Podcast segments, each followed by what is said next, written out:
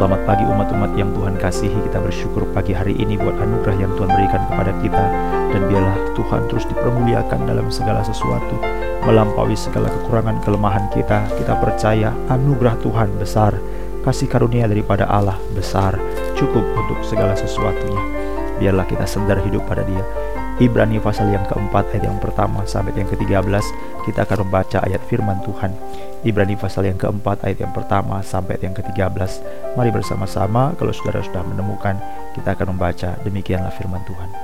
Sebab itu baiklah kita waspada supaya jangan ada seorang di antara kamu yang dianggap ketinggalan sekalipun janji akan masuk ke dalam perhentiannya masih berlaku karena kepada kita diberitakan juga kabar kesukaan sama seperti kepada mereka.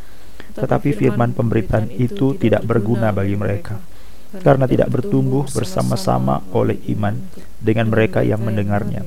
Sebab kita yang beriman akan masuk ke tempat perhentian seperti yang ia katakan, sehingga aku bersumpah dalam murkaku.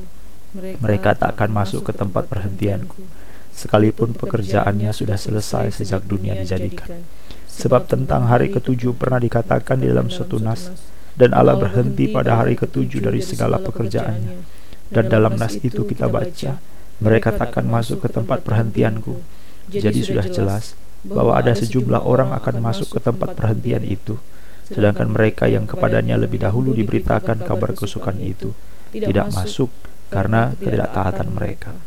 Sebab itu ia menetapkan pula suatu hari, yaitu hari ini, ketika ia setelah sekian lama berfirman dengan perantaran Daud seperti dikatakan di atas. Pada hari ini, jika kamu mendengar suaranya, janganlah keraskan hatimu. Sebab andai kata Yosua telah membawa mereka masuk ke tempat perhentian, pasti Allah tidak akan berkata-kata kemudian tentang suatu hari lain.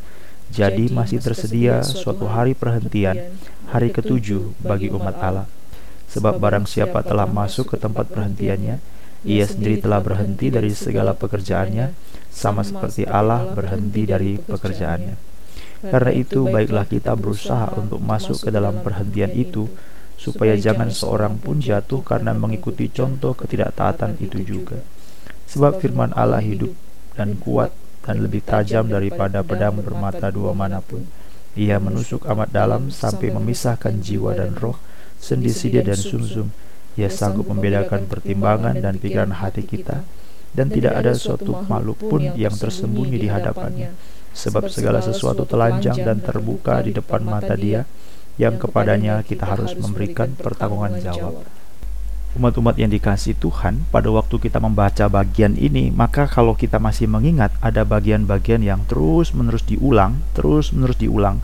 Ibrani pasal yang keempat, ayat yang ketujuh itu merupakan pengulangan dari Ibrani pasal yang ketiga ayat yang ke-15 Ibrani pasal yang ketiga ayat yang ke-15 demikian juga diulang lagi dalam Ibrani pasal yang ketiga ayat yang ke-7 ayat yang ke-8 diulang lagi merupakan satu bagian yang berkali-kali jangan keraskan hatimu jika hari ini engkau mendengar firman Tuhan Firman Tuhan membutuhkan respon, firman Tuhan membutuhkan keputusan, firman Tuhan membutuhkan sesuatu jawaban. Firman Tuhan mendesak orang untuk mengambil keputusan-keputusan.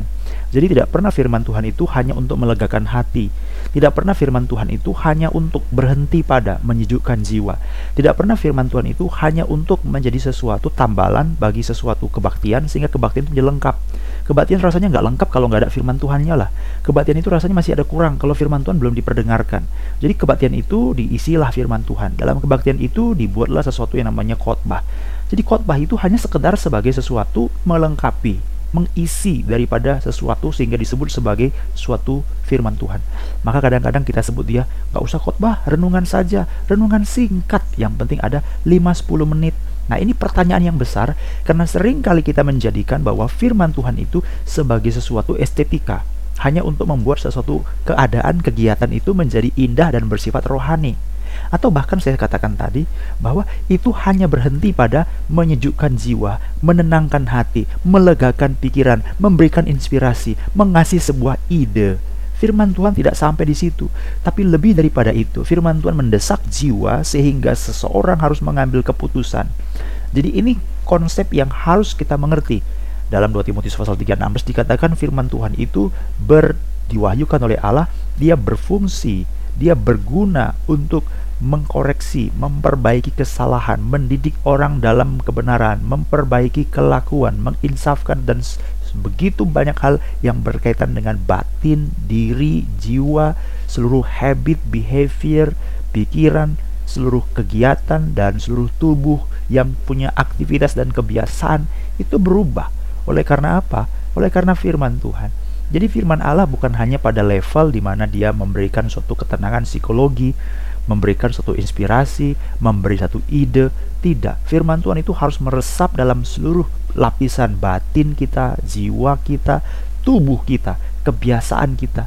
Jadi kalau orang itu biasa untuk bangun siang lebih siang dari hari-hari biasa, maka setelah dia mendengarkan firman, terus-menerus mendengarkan firman, maka dia memiliki satu kebiasaan kemampuan untuk mengubah jam bangun tidurnya sehingga bisa waktu bangun lebih pagi supaya bisa sembahyang.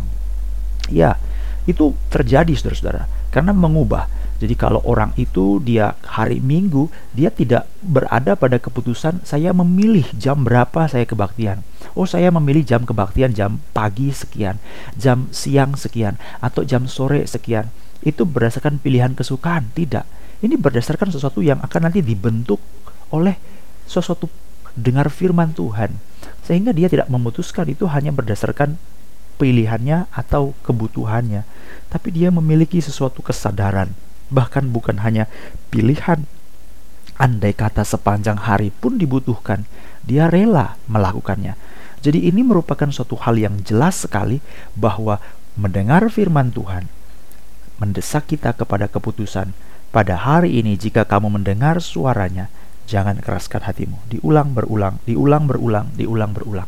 Saudara-saudara dikasih Tuhan, surat Ibrani adalah surat yang diberikan kepada orang-orang yang sudah mendengar tentang Yesus, tapi walaupun mereka mendengar tentang Yesus, mereka belum mengambil keputusan dengan sungguh-sungguh. Ada orang-orang percaya, itu yang kita kemukakan pada hari-hari yang lampau.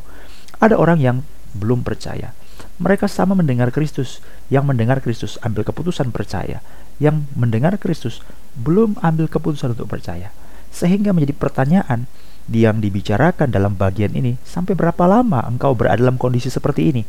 Sebab itu baiklah kita waspada, supaya jangan ada seorang di antara kamu yang dianggap ketinggalan. Engkau sudah dengar firman Tuhan, ambil keputusan.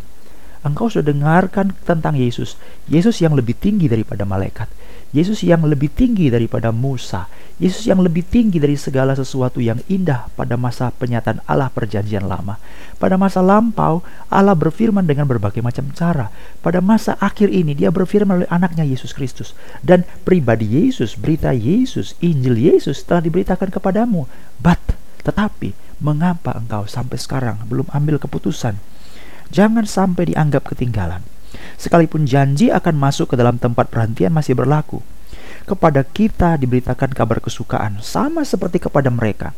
Kalau kita baca dalam pasal yang ketiga sebelumnya, pasal yang ketiga dan yang ketujuh sampai ayat yang ke-19 adalah kisah di mana mengingatkan lagi apa yang terjadi dengan orang Israel pada waktu mereka dipanggil, pada waktu mereka dibebaskan dari perbudakan di tanah Mesir, dibawa untuk masuk tanah perjanjian, tetapi sepanjang kurun waktu 40 tahun itu mereka di padang gurun dan semuanya binasa. Mengapa? Mereka boleh dipanggil tetapi hidup dalam suatu pemberontakan, mengkeraskan hati, menolak segala firman yang diberikan oleh Allah selama 40 tahun itu mereka melukai hati Tuhan. Mereka selalu sesat hati. Ibrani pasal yang ketiga ayat yang ke-9 ayat ke-10. Saudara, mereka mendengarkan firman Tuhan. Mereka mendengarkan firman pemberitaan. Mereka mendengarkan kabar kesukaan. Sama seperti kita. Kita mendengarkan firman Tuhan. Kita mendengarkan pemberitaan firman Allah. Kita mendengarkan kabar kesukaan. Tetapi, firman itu tidak berguna karena tidak bertumbuh bersama-sama dengan iman bagi mereka yang mendengarnya.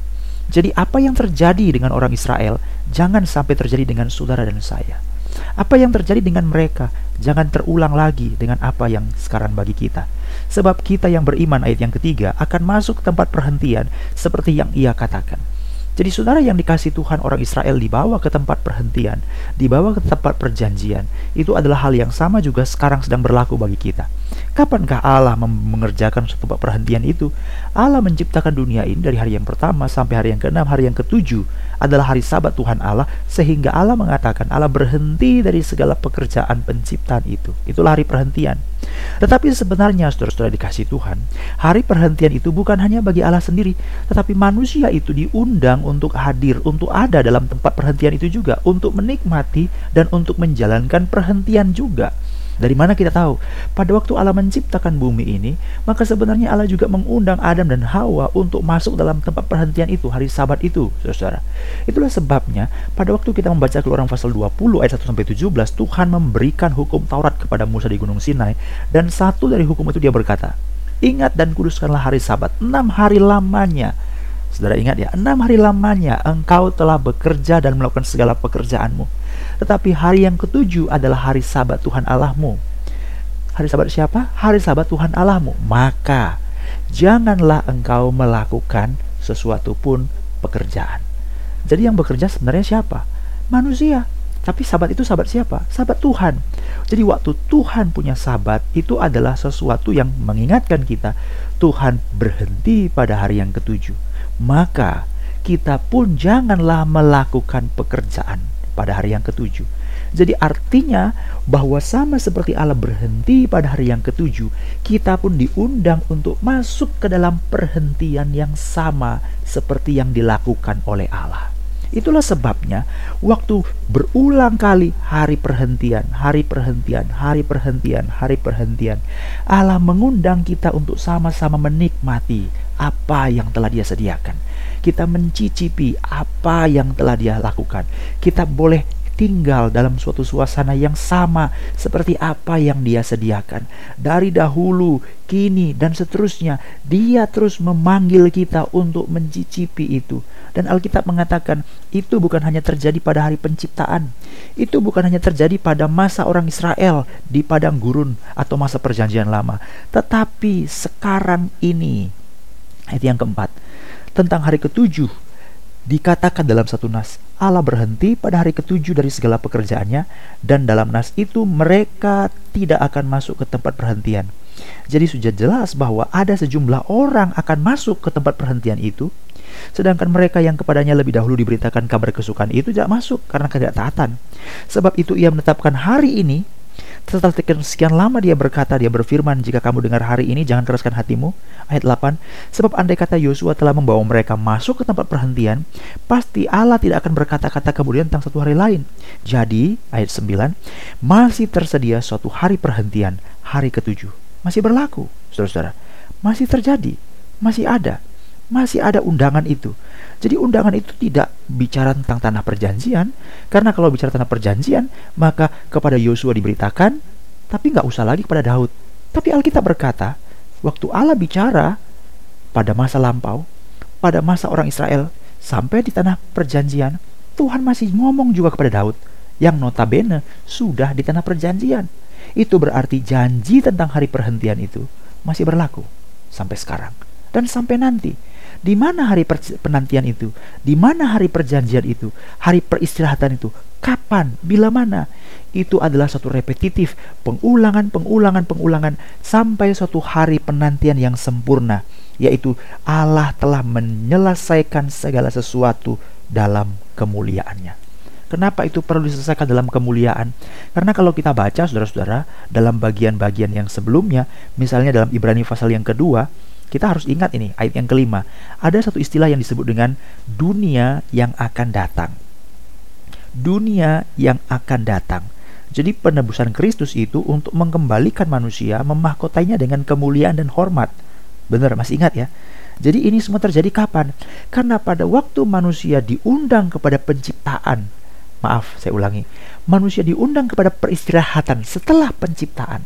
Hari pertama, kedua, ketiga, empat, lima, enam, manusia diciptakan toh lalu manusia diundang kepada hari peristirahatan hari ketujuh setelah itu apa yang terjadi manusia jatuh ke dalam dosa kehilangan kemuliaan Allah pada waktu mereka jatuh ke dalam dosa mereka sudah hilang mereka sudah keluar dari tempat peristirahatan. Mereka sudah keluar dari tempat kedamaian. Mereka keluar dari tempat sesuatu penantian yang penuh dengan sejahtera. Itu sebabnya apa yang terjadi? Pada waktu manusia jatuh ke dalam dosa, mereka hilang kemuliaan, mereka hilang kehormatan, mereka tidak ada dalam penantian perhentian, mereka tidak dalam dalam sejahtera. Pada waktu mereka mendengar bunyi langkah Tuhan, maka yang ada adalah ketakutan. Tidak ada lagi perhentian, tidak lagi penantian, tidak lagi kesejahteraan, tidak lagi kedamaian. Yang ada adalah hidup dalam penuh ketakutan. Bukankah itu yang terjadi sekarang ini? Manusia takut, takut tidak makan. Manusia takut, takut hari esok. Manusia takut, takut kematian. Manusia takut, takut, takut segala sesuatu penuh dengan ketakutan. Tidak ada lagi ketenangan. Sehingga Tuhan terus mengundang kita supaya kita masuk ke tempat penantian, perhentian, sejahtera penuh. Kapan itu? Tuhan memanggil dari dosa masuk kepada penantian yang sesungguhnya. Orang Israel dipanggil dari perbudakan masuk ke tanah perjanjian kepada Daud diberitakan supaya mereka jangan keraskan hati karena mereka masuk ke tempat hari perhentian. Kepada kita diberitakan firman pemberitaan, firman Injil supaya kita masuk mengambil keputusan kelahiran baru sehingga kita masuk kepada kemuliaan perhentian yang sejati yang sempurna. Janji perhentian itu masih berlaku sampai semuanya telah diletakkan di bawah kaki Kristus. Sampai semuanya telah masuk kepada satu dunia yang akan datang. Tapi pertanyaannya, apakah saudara orang yang masuk ke dalam tempat perhentian itu? Apakah saudara adalah orang yang masuk ke dalam tempat perhentian yang diundang dari dulu, dulu, dulu, dulu, dulu sampai sekarang itu? Saya berdoa supaya saya dan saudara adalah orang-orang yang telah masuk ke dalam tempat perhentian itu.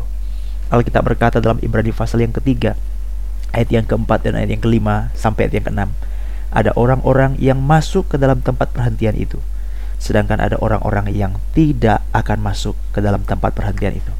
Ada satu kunci, kenapa? Mereka tidak masuk karena ketidaktaatan. Ibrani pasal 4 ayat yang ke-6. Itu sebabnya kalau engkau mau mendengar firman Tuhan, jangan keraskan hatimu. Taatlah, respon dengan segera, lakukanlah. Ayat yang ke-11, karena itu baiklah kita berusaha untuk masuk ke dalam tempat perhentian itu supaya jangan seorang pun jatuh karena mengikuti contoh ketidaktaatan mereka. Biarlah Tuhan menolong dan anugerahkan kita terus taat supaya kita masuk mencicip, menikmati tempat perhentian yang telah disediakan oleh Allah. Amin.